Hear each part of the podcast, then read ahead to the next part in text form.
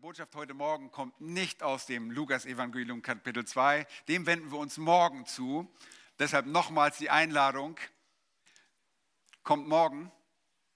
Heute wollen wir in dem Text im Markus-Evangelium fortfahren. Und dort sehen wir nicht weniger die Gnade Gottes. Die Jünger, als sie Jesu Leben sich ansahen, sahen sein Leben voller Gnade und voller Wahrheit ein barmherziger, ein liebender, sich erbarmender Gott, voller Gerechtigkeit. Und diesen erbarmenden Gott, den wollen wir auf den Seiten der Schrift im Markus Evangelium Kapitel 1 und die Verse 40 bis 45 heute Morgen ansehen. Und dort werden wir die rehabilitierende, wiederherstellende Reinigung eines Aussätzigen uns anschauen und die leider darauf folgende, nicht passende Reaktion, das ungebührliche Verhalten dieses Mannes. Aber bevor wir das tun, wollen wir den Text zusammen lesen. Ich lese aus der Schlachter 2000. Markus Kapitel 1, die Verse 40 bis 45.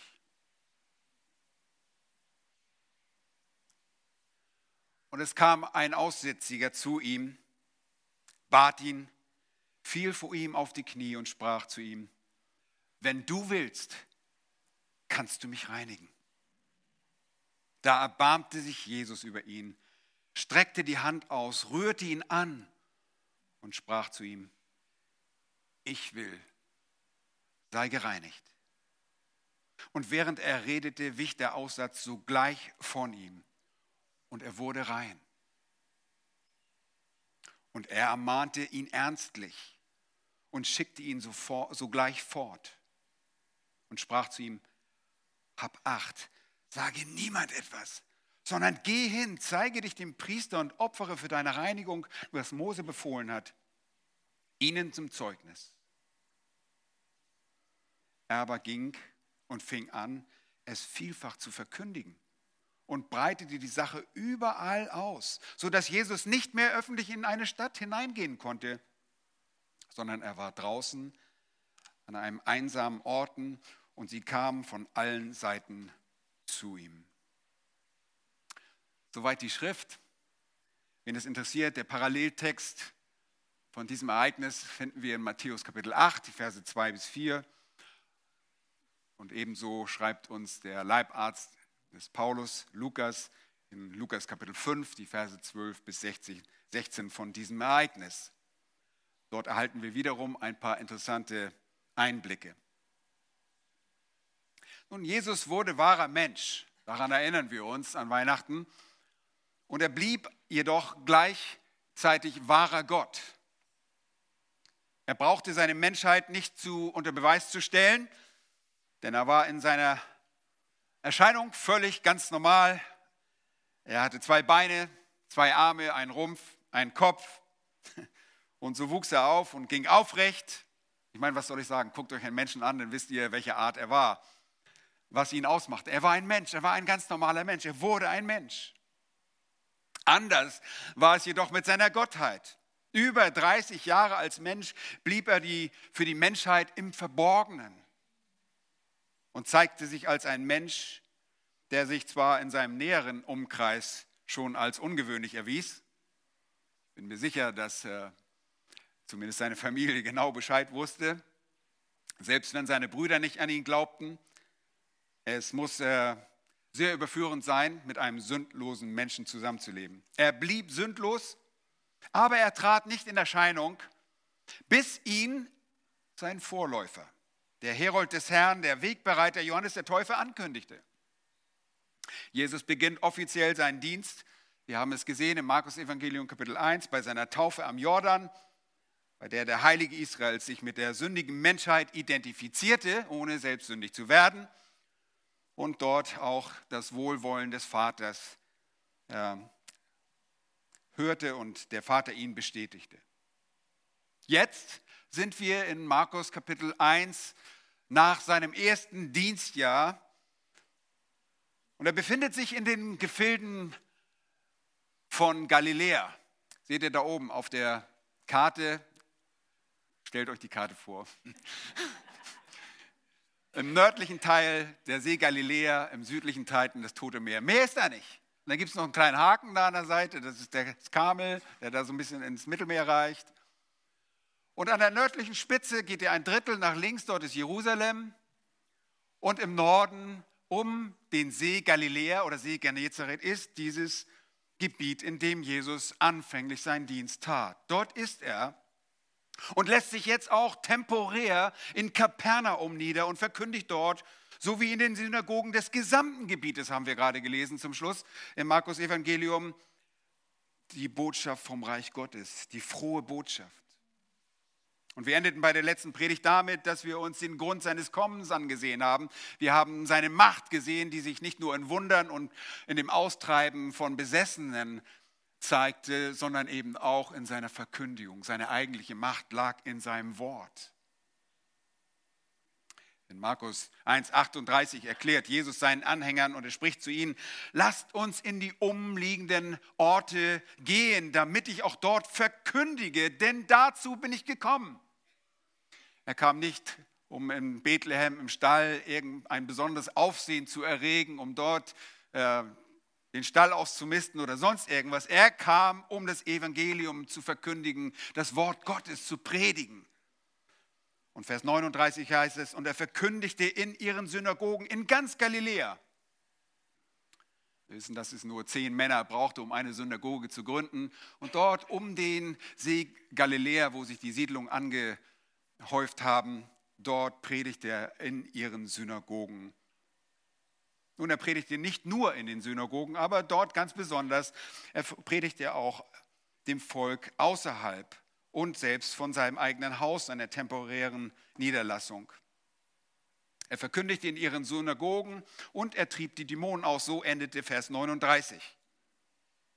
Nun, die Verkündigung war die große Macht und war der Mittelpunkt seines Dienstes. Durch sein Wort wurden Menschen zur Wahrheit gebracht und die Wahrheit sollte diese Menschen, wenn sie mit Glauben antworten, frei machen. Sie sollte uns retten. Wir sind durch das Wort der Wahrheit wiedergeboren. Dieses Wort ist die eigentliche Kraft und alle Zeichen und Wunder dienten nur zur Bestätigung seiner Gottheit. Jesus dachte nicht, oh, ich habe so und so viele Leute, die ich unbedingt heilen muss. Das ist mein Dienst. Ich muss hier mal ein bisschen aufräumen in Israel. Das ist unerhört viele Krankheiten.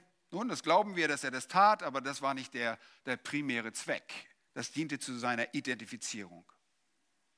Und wir haben im Dienst festgestellt, dass er seine göttliche Macht unter Beweis stellte. Wir haben ihn als hervorgehenden Sieger aus der Versuchung des Satans gesehen.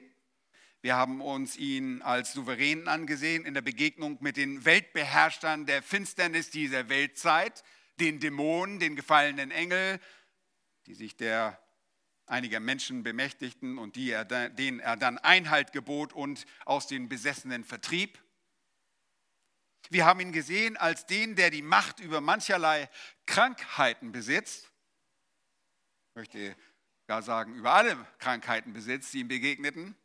Und wir gehen jetzt noch einen Schritt weiter und er ist sogar der Sieger über Krankheiten, die eine kultische Unreinheit mit sich brachten. Mit dem Bericht des Markus steht eine Art von Krankheit im Vordergrund, die genau diese Unreinheit für den Erkrankten mit sich brachte, eine kultische Unreinheit, die auch Konsequenzen hatte für sein eigenes Leben. Und deshalb brauchte dieser Mensch auch nicht nur eine gewöhnliche Heilung, sondern eine der Krankheit entsprechende Reinigung. Bei Aussätzigen sprechen wir immer von einer Reinigung, nie von einer Heilung. Sie werden gereinigt. Deshalb hier die rehabilitierende Reinigung und das darauf folgende ungebührliche Verhalten als das Thema heute Morgen. Lass uns den ersten Vers uns anschauen, Vers 40. Dort sehen wir das zuversichtliche Bittgesuch dieses aussätzigen Mannes. Und es kam ein Aussätziger zu ihm und bat ihn, fiel vor ihm auf die Knie und sprach zu ihm, wenn du willst, kannst du mich reinigen. Und es kam ein Aussätziger zu ihm. Dort lasst uns einmal parken, lasst uns einmal eine Pause machen und einmal anhalten und über das, was ich da gerade gelesen habe, nachdenken. Mit wenigen Worten sprechen wir bereits äh, Bände und wir wollen einmal unter die Lupe nehmen, was hier eigentlich schon alles enthalten ist. Wie schnell, ihr wisst das, huschen wir über solche Aussagen. Wir lesen sie ruckzuck durch und sind schon weiter und haben alles begriffen und gehen nach Hause. Wir huschen zu schnell über solche Aussagen, ohne zu begreifen, was das wohl für die Menschen selbst bedeutete. Hier kam ein Aussätziger zu ihm. Hier ist von einem Aussätzigen drin. Was ist das? Nun, bei bestimmten Hauterkrankungen, die sich am Körper eines Menschen abzeichneten, musste sich ein Mensch ein Priester zeigen. Und das Gesetz schrieb das, so schrieb das das Gesetz vor, so hatte es Jahwe Gott selbst in Israel verordneten.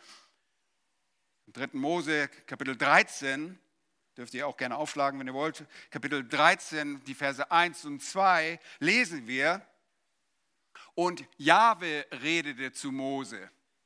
Und Mose gibt es natürlich weiter, deshalb auch, wie Mose es geboten hatte. Aber das, diese Anweisung kommt von Jahwe Gott selbst. Jahwe redet zu Mose und Aaron und sprach, wenn sich bei einem Menschen an der Haut seines Fleisches ein Hautmal oder ein Ausschlag oder ein heller Fleck zeigt, und es entsteht an der Haut des Fleisches eine Aussatzplage, so soll man ihn den, vor den Priestern, vor den Priester oder vor einen seiner Söhne unter den Priestern bringen. Dritte Buch Mose, Kapitel 13, Verse 1 und 2. Ein Mensch, der also eine Veränderung an seiner Haut, eine dermatologische, eine Hautveränderung feststellte, der sollte zu einem fachkundigen Priester geführt werden. Nicht irgendein Priester, sondern hier sehen wir, das waren zur Zeit der, des Gesetzes Aaron und das kann nicht Nadab und Abihu gewesen sein, denn die beiden waren bereits schon Kapitel 10 gestorben. Es blieben Aaron noch zwei andere Söhne, Eleazar und Itamar. Künftig sollte es immer ein hoher Priester, ein oberster Priester begutachten.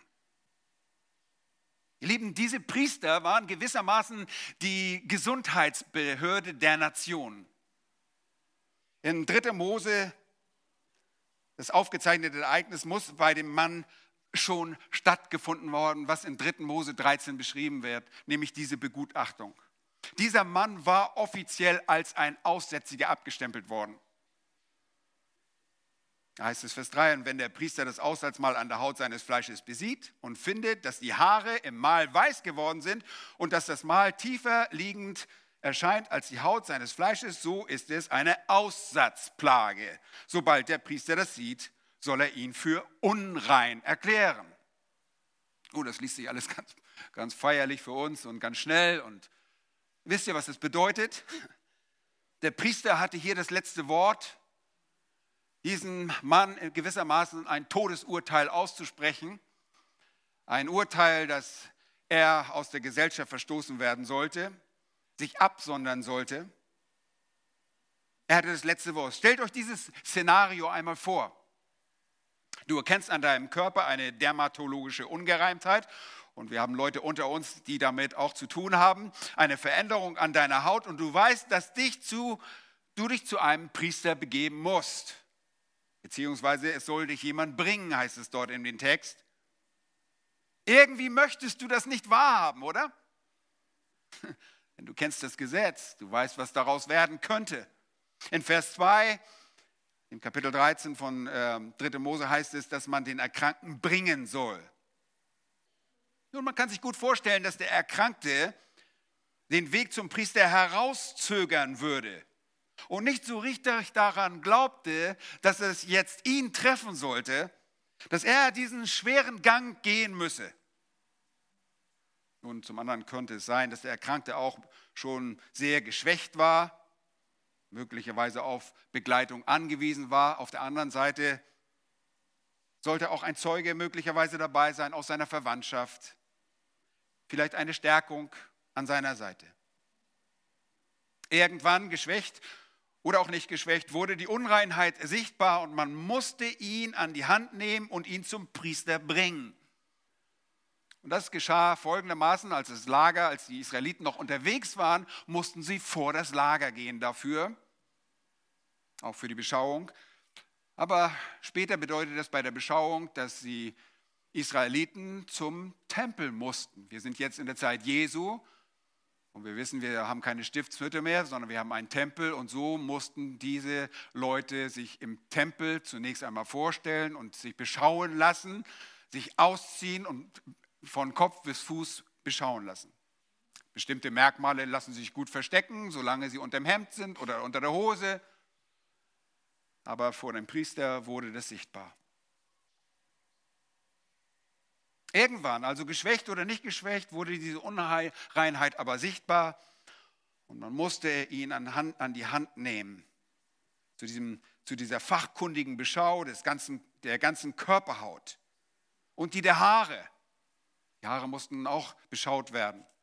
Und diese Aufgabe des Priesters war sicherlich nicht ganz einfach und wir können nur vermuten, dass sich in fragwürdigen Fällen gegenseitig die Priester zur Beratung herangezogen haben. Aber sie war in der Hand von den obersten Priestern. Sie waren darin ausgebildet. Nun, wenn wir das ganze Kapitel 13 im dritten Buch Mose durchlesen, dann sehen wir insgesamt, ich glaube, 39 Symptome. Und die Frage ist, was ist dieser Aussatz? Und das hebräische Wort Zarat wurde mit der, in der Septuaginta mit Lepras, Lepros übersetzt. Von dem Wort haben wir heute Lepra. Nun können wir allerdings nicht davon ausgehen, dass dies das moderne Lepra ist, das man erst sehr spät in der Geschichte 19. bis 18. Jahrhundert besser definieren konnte, sondern dass es hier eine Vielzahl von Hautkrankheiten betrifft. Das griechische Wort Lepros bedeutet einfach schuppig. Die Griechen nutzten dieses Wort für Hautkrankheiten, so wie die Psoriasis. Sie brauchten den Terminus Elephantiasis für Lepra. Und ähnlich geht es auch mit dem hebräischen Wort Zarat, welches ein Sammelbegriff für eine Vielzahl von Krankheiten ist, die dazu führen, dass die betroffene Person als unrein gilt und vom Rest der Gesellschaft zu isolieren ist. Ihr Lieben, in der Vulgata wird Zarat auch mit Lepra übersetzt, was Martin Luther wiederum mit Aussatz bezeichnete. Nun, Aussatz, und so wird gemunkelt, wird geraten, wird äh, versucht, die Etymologie dieses Wortes wird, wird heraus, versucht herauszufinden. Aussatz, so sagt man, hätte Luther dort eingesetzt, weil man diese Menschen ausgesetzt hat. Es ist nicht Ausschlag, sondern Aussatz. Man hat sie ausgesetzt, man hat sie vor die Stadt, vor, die, vor das Dorf, vor das Lager gesetzt. Und so ist diese Krankheit eine, eine, äh, hat die zur Folge, dass man den Menschen aussetzen würde. Auch das Wort Lepros im Neuen Testament übersetzt der Reformator einfach mit Aussatz. Nicht nur das hebräische Wort, sondern auch das Wort Lepros, was die Amerikaner oder die englischen Übersetzungen alle mit Leper, also Lepra, Kranker, übersetzen. Nun, dieses Verständnis von Zarat und der Lepros prägt den Umgang mit den Erkrankten im christlichen Abendland. Und äh, man hat versucht, das alles mit ansteckenden Krankheiten einfach äh, darzustellen. Und das war es auch. Sonst hätten diese Leute nach einer Beschau nicht isoliert werden müssen. Das Alte Testament, und zwar in Levitikus 13, gibt uns vor, bitte schlagt das einfach nochmal auf, was das für diesen Menschen bedeuten würde und bedeutet hat. Dieser Mann kommt auf Jesus zu und wir sehen, dass er nicht nur irgendwo herkommt, sondern er kommt in eine Stadt. Das offenbart uns Lukas. Er kommt in die Stadt hinein. Er sollte eigentlich außerhalb der, des, äh, der Stadt, außerhalb des Lagers, das würde, wurde bei den Juden traditionell später dann außerhalb des Dorfes oder der Stadt, der Stadt übersetzt. Da heißt es in 3. Mose 13, Vers 45, der Aussätzige, an dem die Plage ist, soll aber in zerrissenen Kleidern einhergehen. So konnte man ihn identifizieren mit entblößtem Haupt und seine Lippen soll er verhüllen. Das ist Vers 45 in Kapitel 13 im dritten Buch Mose. Und er soll ausrufen, unrein, unrein. Und so brachte er zum Ausdruck, dass er ein mit Aussatz befallener Mensch war, der sich anderen nicht nähern durfte, so dass andere Leute, wenn er anderen Leuten über den Weg lief, sie wussten, ich darf mich dieser Person nicht nähern. Man fragt euch sicherlich, wie kann das sein, dass so ein Unreiner dann wieder in den Tempel zur Beschauung gehen kann, wenn er sich ehrt? Was ist dann, wenn er dorthin geht und immer noch Lepra hat oder eine ansteckende Krankheit nun, die Weitläufigkeit des, des Tempels erlaubte das und man sollte ihn auch zu den Priestern selbst bringen. Und die Priester hatten, wussten sehr gut, mit diesen erkrankten Menschen umzugehen. Sie rührten ihn nicht an, im Gegensatz zu dem, was Jesus tut. Er rührt ihn in diesem Text an. Ist euch das aufgefallen? Er streckte die Hand aus, rührte ihn an. Weiter heißt es dort, er soll unrein, unrein rufen und solange die Plage an ihm ist, soll er völlig unrein bleiben, denn er ist unrein. Er soll abgesondert wohnen und außerhalb des Lagers seine Wohnung haben. Nun, das liest sich alles so wunderbar, aber das war ein wirkliches Todesurteil. An Aussatz erkrankte Menschen waren wandelnde Leichen. Sie warteten eigentlich eigentlich nur darauf, noch zu sterben. Ist nicht ganz richtig, ich muss es korrigieren. Es gab auch einige Leute, die gesund wurden wieder, sonst gab es nicht diese Beschauung. Aber in den meisten Fällen sammelten sich für, äh, aussätzige Menschen an, zusammen in einem Verbund außerhalb der Stadt. Wir sehen das einmal, dass zehn Aussätzige in Lukas Kapitel 17 bei, einer, bei Jesu Ankunft in einem Dorf begegnet ihm zehn Aussätzige. Sie blieben von ferne stehen. Sie lebten außerhalb des Dorfes und weil sie zusammenlebten, steckten sie wahrscheinlich noch mehr gegenseitig an. Je nachdem, welche Krankheit man hatte. Wenn einer noch kein wirkliches Lepra hatte. Und Lepra ist wirklich eine Krankheit, die sicherlich auch dazu gehörte. Ähm, man wusste Lepra natürlich damals nicht so zu klassifizieren. Heute in der Mikrobiologie, indem man Dinge unters, äh, unter die Lupe nehmen kann, hat man herausgefunden, dass, äh, dass es ein Bakterium ist, ein Mykobakterium, äh, das den Mikroorganismus, den Menschen infiziert. Das Mykobakterium Leprae ist der erste pathogene Mikroorganismus überhaupt identifiziert worden, der eine Krankheit so in diesem Menschen verursacht. Nun, diese Kenntnisse der Bakteriologie äh, haben sich wirklich sehr lange rausgezögert in der Forschung von Lepra. Ja, man, konnte, man kann dieses Bakterium nicht sichtbar machen, weil man das nicht in vitro, also in einem Reagenzglas kultivieren kann. Diese Bakterien vermehren sich nur in Mäusefüßen beziehungsweise in Gürteltieren und eben in den Menschen. Nun, die in, einer, in der aktiven Phase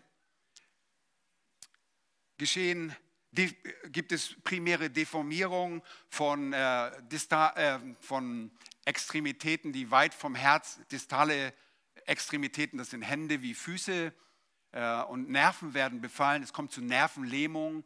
Hauptsächlich werden Nerven äh, gelähmt, die dicht unter der Haut sind. Das hat auch mit Temperatur zu tun. In dieser aktiven Phase ähm, hat diese direkte Wirkung des äh, Mikro- oder Mykobakteriums Auswirkungen auf Nervenschädigungen. Die verkrümmen Fingergelenk, es kommt zu Fingergelenkversteifung. Äh, ich weiß nicht, ob ihr davon schon mal gehört habt. Es kommt zum Nasenkollaps, dass sich die Nasenflügel kollabieren. Es kommt zum Augenbrauenschwund, zur Augenlidlähmung, Augenbrauen, Augenhaar, Augenwimpern fallen aus und äh, es kommt zur Ohrendeformierung, eine wirklich schlimme Krankheit. Nun, wir wissen nicht, ob dieser Mann damit befallen war, aber sehr häufig hat man so, sich so dann gegenseitig in diesen Lagern angesteckt. Während dieser Phase kommt es zu dann in der lepramotösen Form der Erkrankung zur Einwanderung der Bakterien in die Knochen und dann kann man nichts mehr machen. Man kann es nur noch mit Cortison heute ein bisschen lindern. Das hat eine Wirkung. Nur das ist eine heilbare Krankheit. Heute ist man sehr äh, weit vorangekommen in der Forschung durch Paul Brandt, ein äh, Forscher, und auch durch äh, Robert Koch und äh, Hansen, der norwegische Arzt Hansen, Gerhard Hansen, der in Norwegen äh, Lepra studiert hat. Deshalb heißt, sie auch Hansen-Krankheit. Ähm, heute kann man sehr viel machen, aber damals, wenn du so klassifizierst als, als unrein, dann warst du isoliert und eine wandelnde Leiche. Nun, wir lesen in der Bibel von diesen Krankheiten mehrfach und auch wenn wir diese Krankheit nie spezifisch einordnen können als dieses moderne Lepra, so wissen wir doch, dass es Krankheiten sind, die angesteckt haben und es ist in aller Weisheit unseres Herrn äh, diese Vorschriften gegeben worden, dass man diese Menschen isoliert und sie nicht mit den eigenen Leuten zusammen leben ließ. Wir wissen, dass äh, Lepra eine Form der Strafe Gottes war. Wir sehen das bei, bei dem König Usia, äh, der zornig wurde und äh, während er vor dem Altar stand, richtete seinen Zorn gegen die Priester. Und während er zornig wird, brach der, Zorn, der Aussatz an seiner Stirn aus, vor den Augen der Priester im Haus Jahwes beim Räucheraltar. Augenblicklich. Ja. Und wir wissen, dass, äh, dass Usia bis zu seinem Lebensende Lepra, äh, Aussatz hatte, jetzt sage ich schon Lepra, Aussatz hatte, diese Form, diese Erkrankung äh, hatte und auch so starb. Leb, äh, Aussatz war auch ein Teil des Fluches. Und zwar des Fluches, den König David über das Haus Joabs aussprach. Ihr erinnert euch sicherlich an diese alttestamentliche Geschichte, nachdem Herr Abner hinterhältig erstach. Da lesen wir in 2 Samuel Kapitel 3, 27 bis 29. Als nun Abner wieder nach Hebron kam, führte ihn Joab beiseite in das Tor, um in der Stille mit ihm zu reden, und er stach ihn dort in den Bauch, dass er starb wegen des Blutes seines Bruders Asael. Das war also seine Rache. Vers 28, als David es danach erfuhr, sprach er, ich und mein Königreich sind ewiglich unschuldig vor Jahwe an dem Blut Abnas, des Sohnes Neers. Es falle aber auf den Kopf Joabs und auf das ganze Haus seines Vaters. Und es soll im Haus Joabs nie an einem fehlen, der einen Ausfluss oder Aussatz hat der zur Spindel greifen muss, der durch Schwert fällt oder der an Brotmangel leidet. Also hier Teil eines Fluches, einer Verwünschung, die David ausspricht über das Haus Joabs. Nun, dieser Mann war nun mit Aussatz befallen und er lebte vermutlich außerhalb der Stadt. Das sollte er nach dem Gesetz. Und dann heißt es hier, und er kam zu Jesus. Es kam ein Aussätziger zu ihm. Und er kam in die Stadt hinein. Und er bricht eigentlich das Gesetz, aber er kommt vertrauensvoll. Wir sehen hier seine Zuver sein zuversichtliches Bittgesuch. Er kommt und er fällt sogar auf die Knie. Und während Markus das Wort auslässt, dass auch die anderen Evangelisten sagen, er sagt das Wort Herr. Er sagt auch Herr. Markus sagt, bringt uns dieses Wort nicht. Er sagt einfach nur, sei mir gnädig. Ja, wenn du willst, kannst du mich reinigen. Er bringt dieses tiefe Vertrauen, das er Gott gegenüber hat, das er Jesus gegenüber hat, zum Ausdruck. Nun, ihr fragt euch sicherlich, woher hat er das? Nun, das ist relativ einfach wenn du die Macht, die Kraft des Retterkönigs besitzen würdest und durch Galiläa gehst und jeden Kranken, der dir begegnet und jeden Besessenen heilst, dann wirst du bekannt. Auch unter denen, die außerhalb der Ortschaft leben. Auch unter den Leprakranken und Aussätzigen.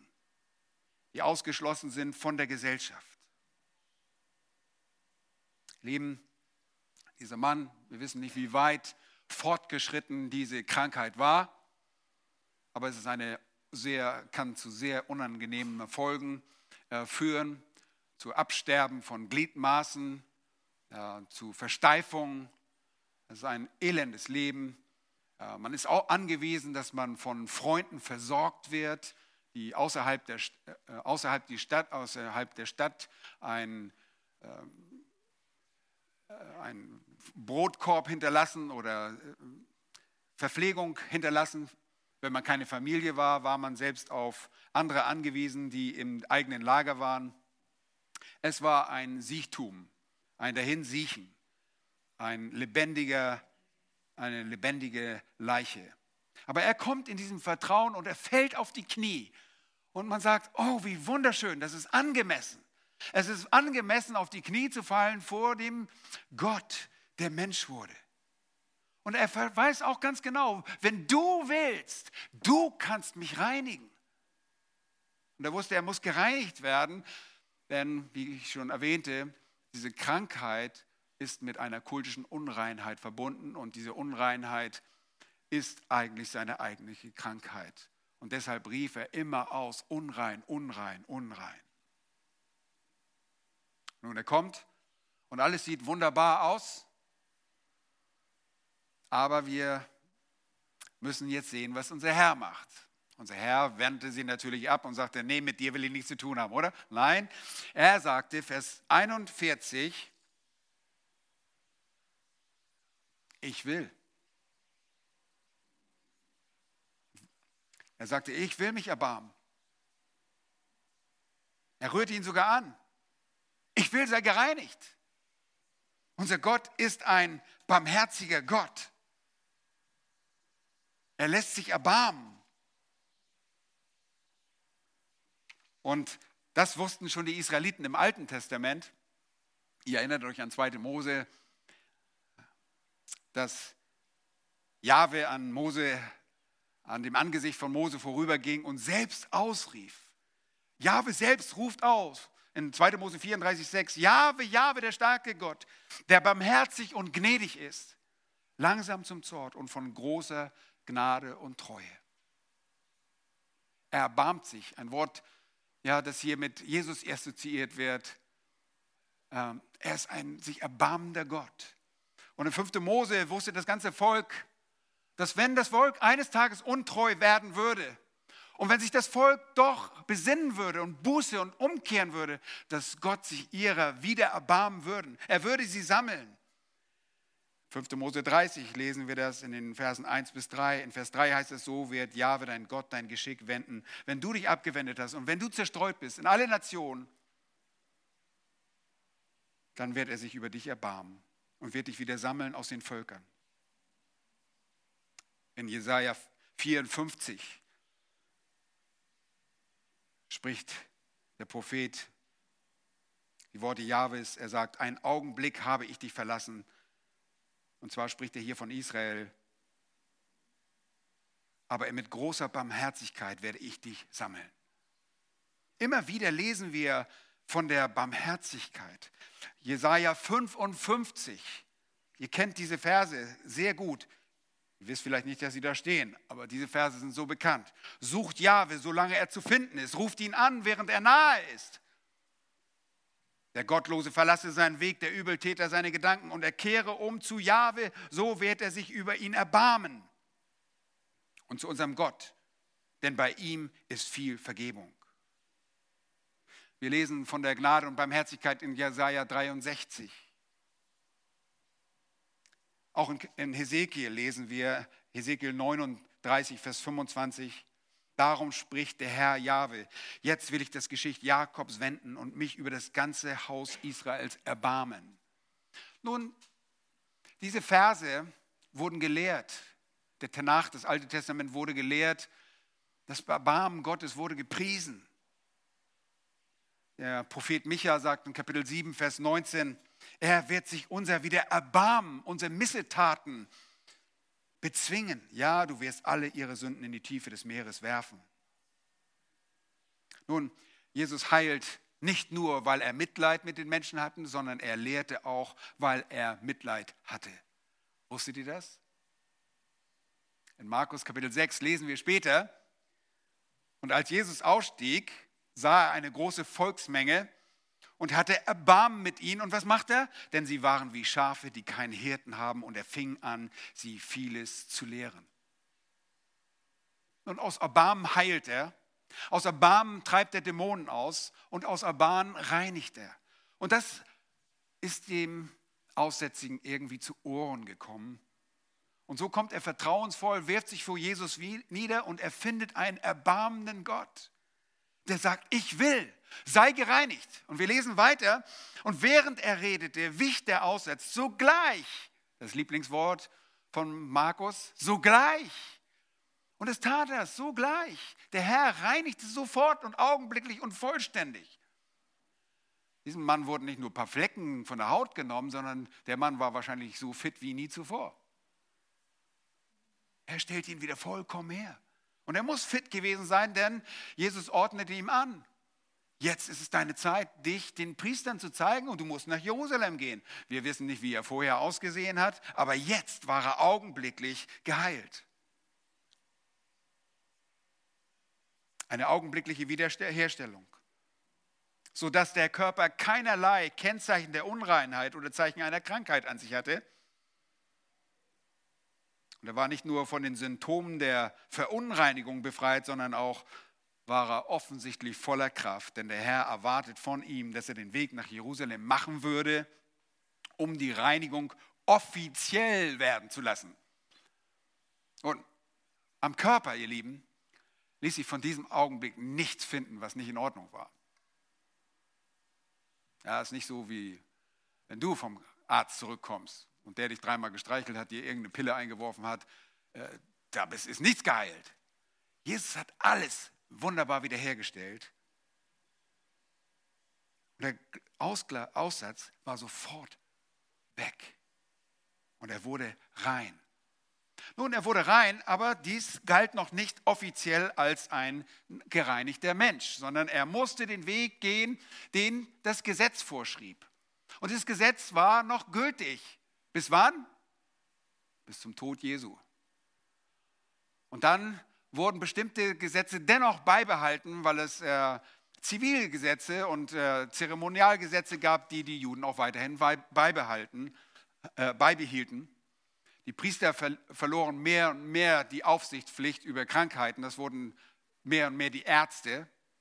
Aber es gab nichts mehr zum Opfern, es gab keinen Tempel, es gab keine Opfer. Aber jetzt mahnte Jesus diesen Mann und er schickt ihn los. Wir sehen einmal die barmherzige Reaktion und jetzt die ernsthafte Forderung des Retters in Vers 43. Schaut euch das mal an und Vers 44. Und er, das ist Jesus, ermahnte ihn ernstlich. Die Elbefelder sagt, bedrohte ihn. Das ist das stärkste äh, Wort, das es überhaupt dafür geben kann, jemandem zu sagen, etwas nicht weiter zu sagen. Und er schickte ihn was sagt Markus? Sogleich fort. Alles ist sehr zügig. Hier geht alles ruckzuck vonstatten. Sofortige Heilung, sofort schickt er ihn los. Er sagt nicht, hau mal von mir ab, sondern er schickt ihn zum Tempel. Das ist eine ernsthafte Bedrohung. Nicht von der Reinigung zu reden. Und das Fortschicken geschieht sich hier im Zusammenhang auf das Fortschicken zu den Priestern. Und das tut er in den Versen 44. Schaut euch mal. Und Jesus sprach zu ihm, habt Acht, sage niemand etwas, sondern geh hin, zeige dich dem Priester. Singular, so war es genauso. Dem Priester, dem einen Priester, der heute seinen Dienst dort im Tempel tut, um dich zu beschauen. Und opfere für deine Reinigung. Nun, wir haben das Gesetz des Aussatzes in 3. Mose 13 und das Gesetz der Reinigung in Kapitel 14. In Kapitel 13 ist das Schlagwort oder das, äh, das zentrale Wort Haut. Die Haut, die menschliche Haut. Es kommt dort, ich glaube, 26 Mal oder mehr vor. In Vers 27 finden wir es gar nicht mehr. Äh, in Kapitel 14 finden wir es gar nicht mehr. Dort kommt die Beschauung. Aber in Kapitel 13 geht es um die Feststellung dieser Krankheit und in Kapitel 14 geht es um die Reinigung und was diese Reinigung erforderte. Er sagt, zeige dich dem Priester und opfere für deine Reinigung, was Mose befohlen hat. Wir haben gerade gesehen, das kam durch Mose, aber der Herr hat es Mose gesagt. Es ist ein Gesetz, das, das der Herr selbst wollte. Wozu? Schaut einmal diesen kleinen Nachsatz, kann man sehr schnell übersehen. Ne? Was Mose befohlen hat, ihnen zum Zeugnis. Ihnen zum Zeugnis, wem zum Zeugnis? Den Priestern zum Zeugnis. Stell dir vor, da kommt jemand und die Priester führten Buch über Erkrankungen von Aussätzigen. Ja, jetzt mussten sie ein ärztliches Attest, ein priesterliches Attest ausschreiben und mussten sagen, äh, dieser Typ ist wieder gesund. Sie mussten eine Bescheinigung ausschalten, äh, ausschreiben, dass er wieder gesund ist. Das sollte den Priestern den Atem rauben. Hier kommt ein Mann, der Babyhaut hat, der vorher verunreinigt war. Die Priester haben alle Symptome festgehalten, alles aufgeschrieben, so und so, der Mann hat das und das und das und das. Und jetzt kommt einer und er zeigt sich hier und wird vorgeführt, wird da von seinem, vielleicht von einem Familienmitglied hingebracht wieder zu dem Priester. Und jetzt stellt er fest, nichts. Der Typ hat gar nichts. Bist du der Typ? Bist du überhaupt der Mann? Ja, sagt der Begleiter. Ich war letztes Mal dabei, als ich ihn hierher gebracht habe zur Beschauung. Er ist es. Ihm zum Zeugnis. Die Priester wollten nicht glauben, wer der Herr Jesus Christus ist. Erst später, dem Herrn sei Dank, in der, in der Apostelgeschichte lesen wir, dass etliche von den Priestern zum Glauben kamen. Dem Herrn sei Dank. Aber sie wollten nicht glauben. Und jetzt sollte er ihnen zum Zeugnis vorgeführt werden, diesen Priestern. Die Aufforderung negativ und die Aufforderung ist positiv. Tue nicht das, sondern tue jenes. Übrigens hat das nicht mit der, einer Abwertung des Mannes zu tun, den Jesus gereinigt hat, dass er nichts von diesem wunderbaren Ereignis erzählen soll. Er will ihm da keine auswischen. Nein, selbst seinen Jüngern sagt äh, Jesus auf dieselbe Art und Weise, dass sie nichts weiter sagen sollen von dem, was sie erkannt haben. In Markus Kapitel 8, Vers 30 heißt das, dass Jesus ihnen gebot, ernstlich, dass sie niemand von ihm sagen sollten. Das sagte seinen Jüngern. Nachdem sie erkannten hatten, dass er der Christus ist, sagte er, sagt es niemand weiter.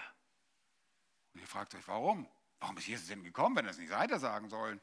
Macht keinen Sinn. Nun, Jesus brauchte kein Publicity.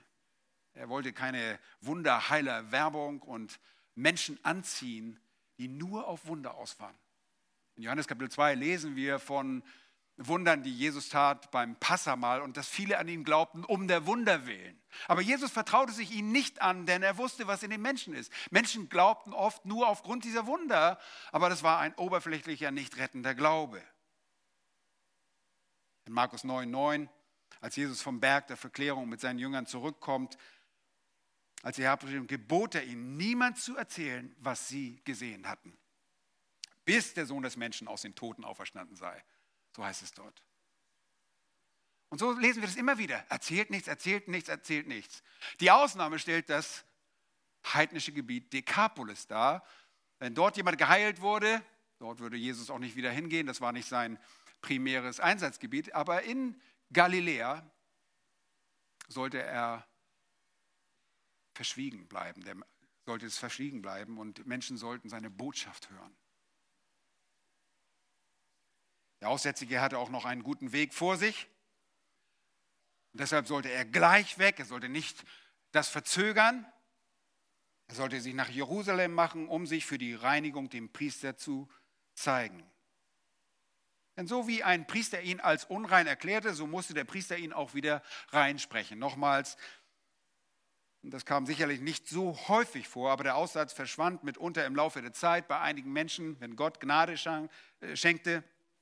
In seltenen Fällen konnte der Aussatz abheilen und der Verunreinigte konnte gereinigt werden. Sonst würde es dieses Gesetz der Reinigung und der damit verbundenen Opfer in 3. Mose Kapitel 14 nicht geben. Und der Priester stellte ihm bei der erfolgreichen Beschauung ein Gesundheitszeugnis aus. Und er schreibt das Gesetz vor. 3. Mose 14 heißt es in Versen 1 und 2. Und hört mal, wie er es wieder anfängt. Und Jahwe redete zu Mose. Der Herr möchte sicherstellen, das ist sein Gebot. Durch Mose, aber es ist Gottes Gebot. Da heißt es, dieses Gesetz gilt für den Aussätzigen am Tag seiner Reinigung. Er soll dem Priester, zu dem Priester gebracht werden. Auch hier eine Begleitung, Erforderung, jemand, der ihn mit dem Priester in Verbindung bringt. Und dafür war der Priester angehalten, zur Zeit der Wüstenwanderung, dass er aus dem Lager hinausging. Also vor, aus dem israelischen Lager heraus. Ähm, ich habe das ein bisschen nachgeforscht. Ich sehe nicht, dass man außerhalb von Jerusalem dem Priester begegnen sollte, aber in den Tempelgefilden, die auch recht weitläufig sind, in Begleitung einer Person. Vielleicht musste er noch unrein ausrufen, ich weiß es nicht. Äh, aber diese Person musste ihn zum Priester bringen.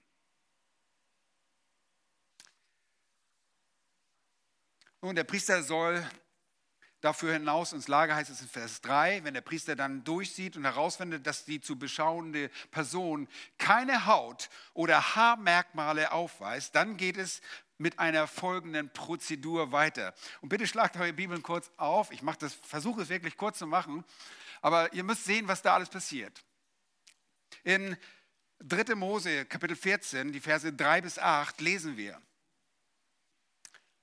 Und der Priester soll dafür hinaus vor das Lager gehen und wenn er nachsieht und findet, dass das Mal des Aussatzes an dem Aussätzigen heil geworden ist, so soll der Priester gebieten, dass man für den, der gereinigt werden soll, zwei lebendige Vögel bringt, die rein sind und Zedernholz, Karmesin und Isop. Also vier Dinge.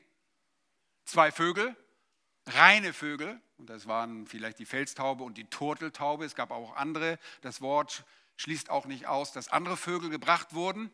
Dann sollte er Zedernholz bringen, wobei das auch nicht ganz klar ist, ob es wirklich Zedernholz ist oder irgendeine Wacholderart, ähm, die einheimisch ist dort in Israel, obwohl es auch Zedernholz gab. Dann auch ähm, heißt es hier Karmesin. Karmesin ist ein Farbstoff, der aus einer äh, Laus gewonnen wird, aus einem Kaktuslaus, die wird auch gezüchtet. Es gibt einen wunderbaren äh, Farbstoff, der rot ist. Wenn man die Laus zerdrückt, hat man wie Blut an den Fingern. Und dieses Karmesin wurde benutzt, um äh, Fabric, ähm, äh, Stoff einzufärben, eine Schnur vielleicht. Und so band man das Karmesinfarben um das Isop, um diese Pflanzenart herum. Und dann heißt es weiter, und der Priester soll gebieten, dass man den einen Vogel schächtet in ein irdenen Gefäß, das ist also Ton, über lebendigem Wasser. Lebendiges Wasser ist Wasser aus Quelle, nicht aus einer Zisterne, sondern ein lebendiges Wasser, das aus einer Quelle kommt. Den lebendigen Vogel aber soll man nehmen mit dem Zederholz, dem Karmesin und Isop und es soll äh, es samt dem lebendigen Vogel in das Blut des Vogels tauchen, der über dem lebendigen Wasser geschächtet worden ist. Also hier vermischt sich das Blut von dem Vogel, der getötet worden ist, mit dem Wasser und es fließt in ein äh, Tongefäß. Und jetzt werden alle diese Dinge, das Zedernholz, Karmesin und die Soap, sowie der lebendige Vogel in dieses Gefäß eingetaucht. Und er soll diejenigen denjenigen siebenmal besprengen, der vom Aussatz gereinigt werden soll, und ihn so reinigen, und den lebendigen Vogel soll er in das freie Feld fliegen lassen. Das erinnert so ein bisschen an den Yom Kippur, denke ich, wo zwei Böcke genommen werden, einer wird geschlachtet, einer wird in die äh, Wüste getrieben. Und dann heißt es Vers 8, der zu reinigen aber soll seine Kleider waschen und seine Haare abschneiden und sich im Wasser baden. So ist er rein. Aber jetzt denkt ihr vielleicht, das war's. Nein, nein, nein, das war noch nicht. Danach darf er in das Lager gehen. Doch er soll sieben Tage lang außerhalb seines Zeltes bleiben. Immerhin, er darf schon in seine eigene Wohnung gehen, in, in sein eigenes Dorf gehen, aber nicht in seine eigene Wohnung. Er muss außerhalb seiner Wohnung schlafen. Sieben Tage lang. Und am siebten Tag, Vers 9, soll er alle seine Haare abschneiden, auf dem Haupt, am Bart und äh, den Augenbrauen. Alle seine Haare soll er abschneiden, also das äh, Waxing äh, oder was immer die da gemacht haben. Und er soll seine Kleider waschen und sein Hau Fleisch im Wasser haben. So ist er rein.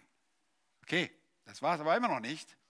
Denn jetzt gibt es noch einen achten Tag und am achten Tag soll er zwei makellose Lämmer nehmen und ein makelloses einjähriges weibliches Lamm. Das macht drei Lämmer zusammen.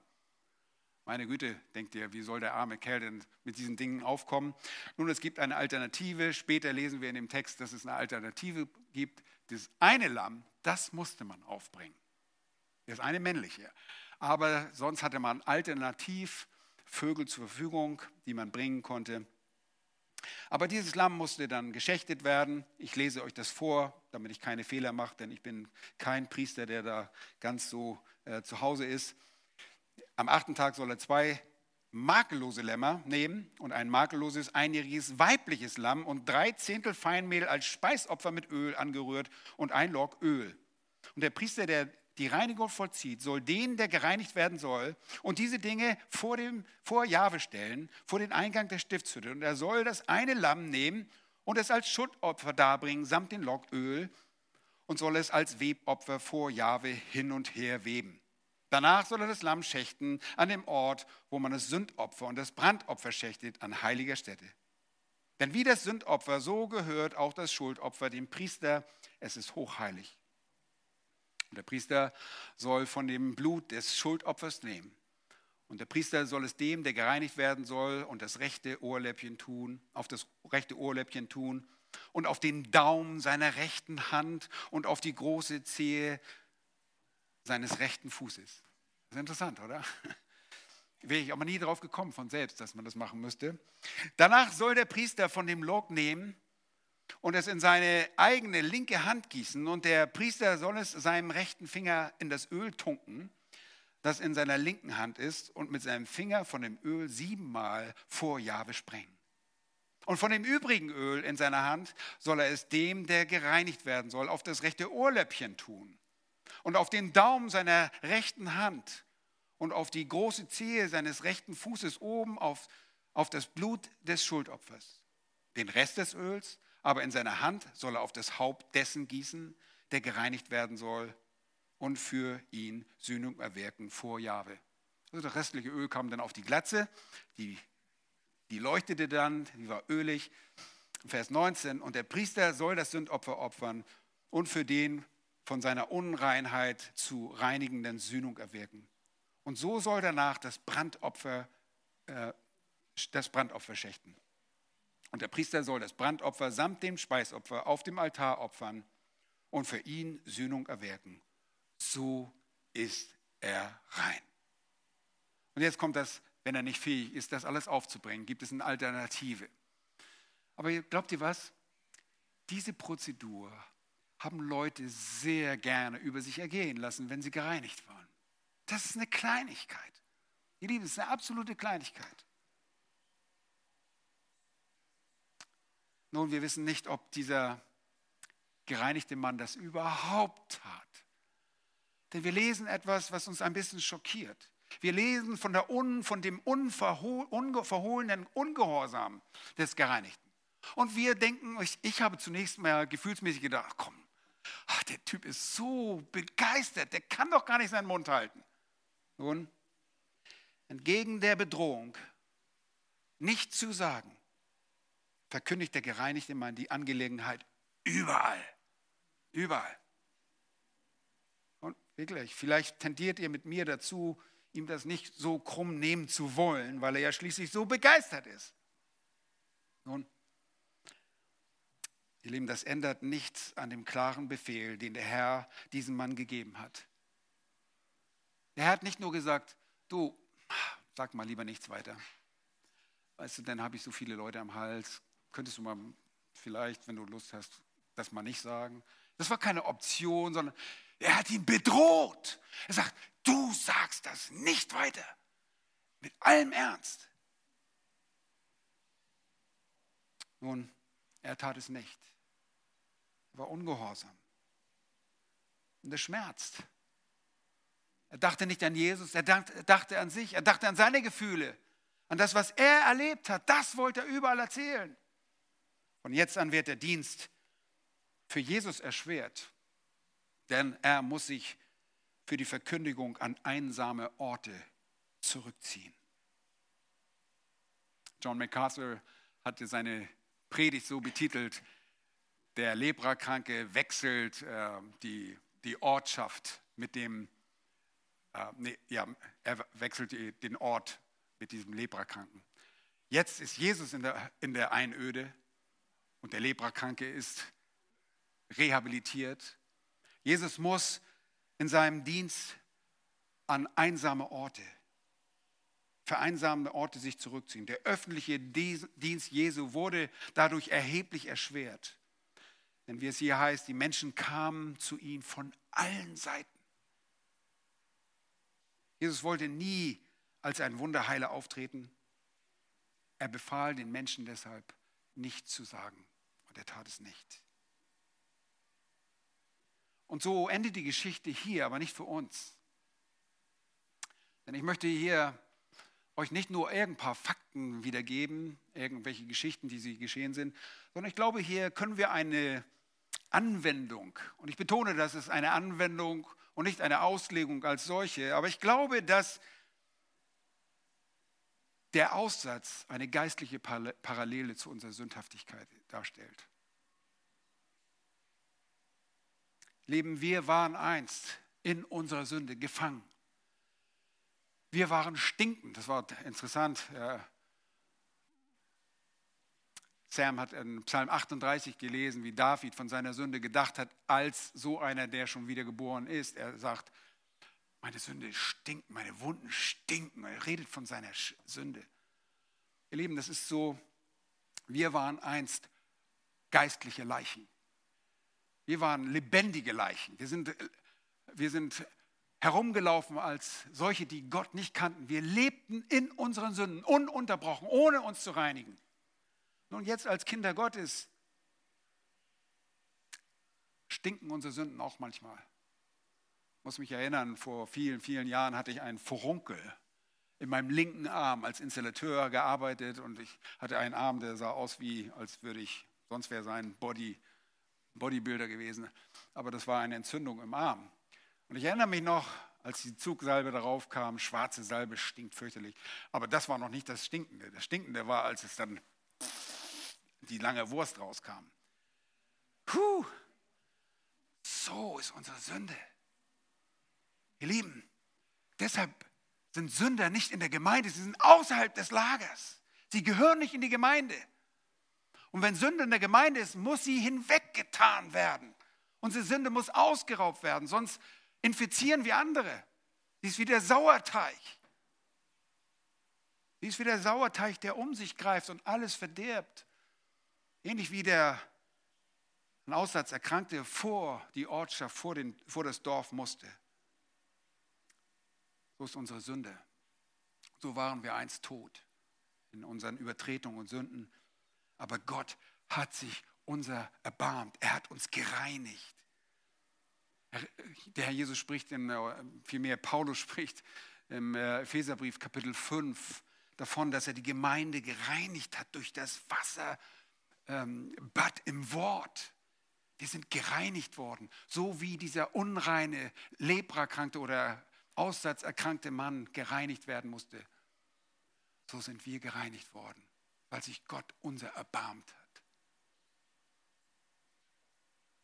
Lieben, wir dürfen leben. Wir gehören in das Lager, wir gehören in die Gemeinde, zu den Kindern Gottes. Und wir sollten ihnen dafür Dankbarkeit erweisen. In Lukas Kapitel 6 sagte Jesus, was nennt ihr mich Herr, Herr? Und tut nicht, was ich euch sage. Dieser Mann tat nicht, was Jesus sagte. Wir müssen tun, was Jesus sagt. Und Jesus sagt, ich vergleiche diejenigen, die mein Wort tun, mit einem weisen Menschen. Wenn du es nicht tust, du vielleicht nicht ein Kind Gottes. Wenn du permanent im Ungehorsam lebst und kein Gefühl dafür hast, dass deine Sünden stinken, dann musst du dich dem lebendigen Gott, dem Jesuskind zuwenden. Denn dafür ist er gekommen. Der Sohn des Menschen ist gekommen, zu suchen und selig zu machen, zu retten, was verloren ist. Und stinkende Sünder. Und ich sehe diese Parallele, ich, erhebe nicht, dass es eine Auslegung ist, aber ich, ich glaube, dass, man das, äh, dass es eine gute Anwendung ist, dass ihr euch das vorstellen könnt, dass wir so waren. Wir waren Geächtete. Und jetzt sind wir Kinder Gottes. Dafür wollen wir ihm dankbar sein. Und wenn ihr morgen kommt, dann seht ihr, was die richtige Reaktion ist auf das Kommen des Herrn Jesus Christus. Heute haben wir gesehen, hier reagiert einer sehr freudig und überschwänglich, aber im Ungehorsam. Und morgen sehen wir, was die rechte Reaktion auf das Kommen unseres Herrn Jesus Christus ist. Lass uns dem Herrn danken.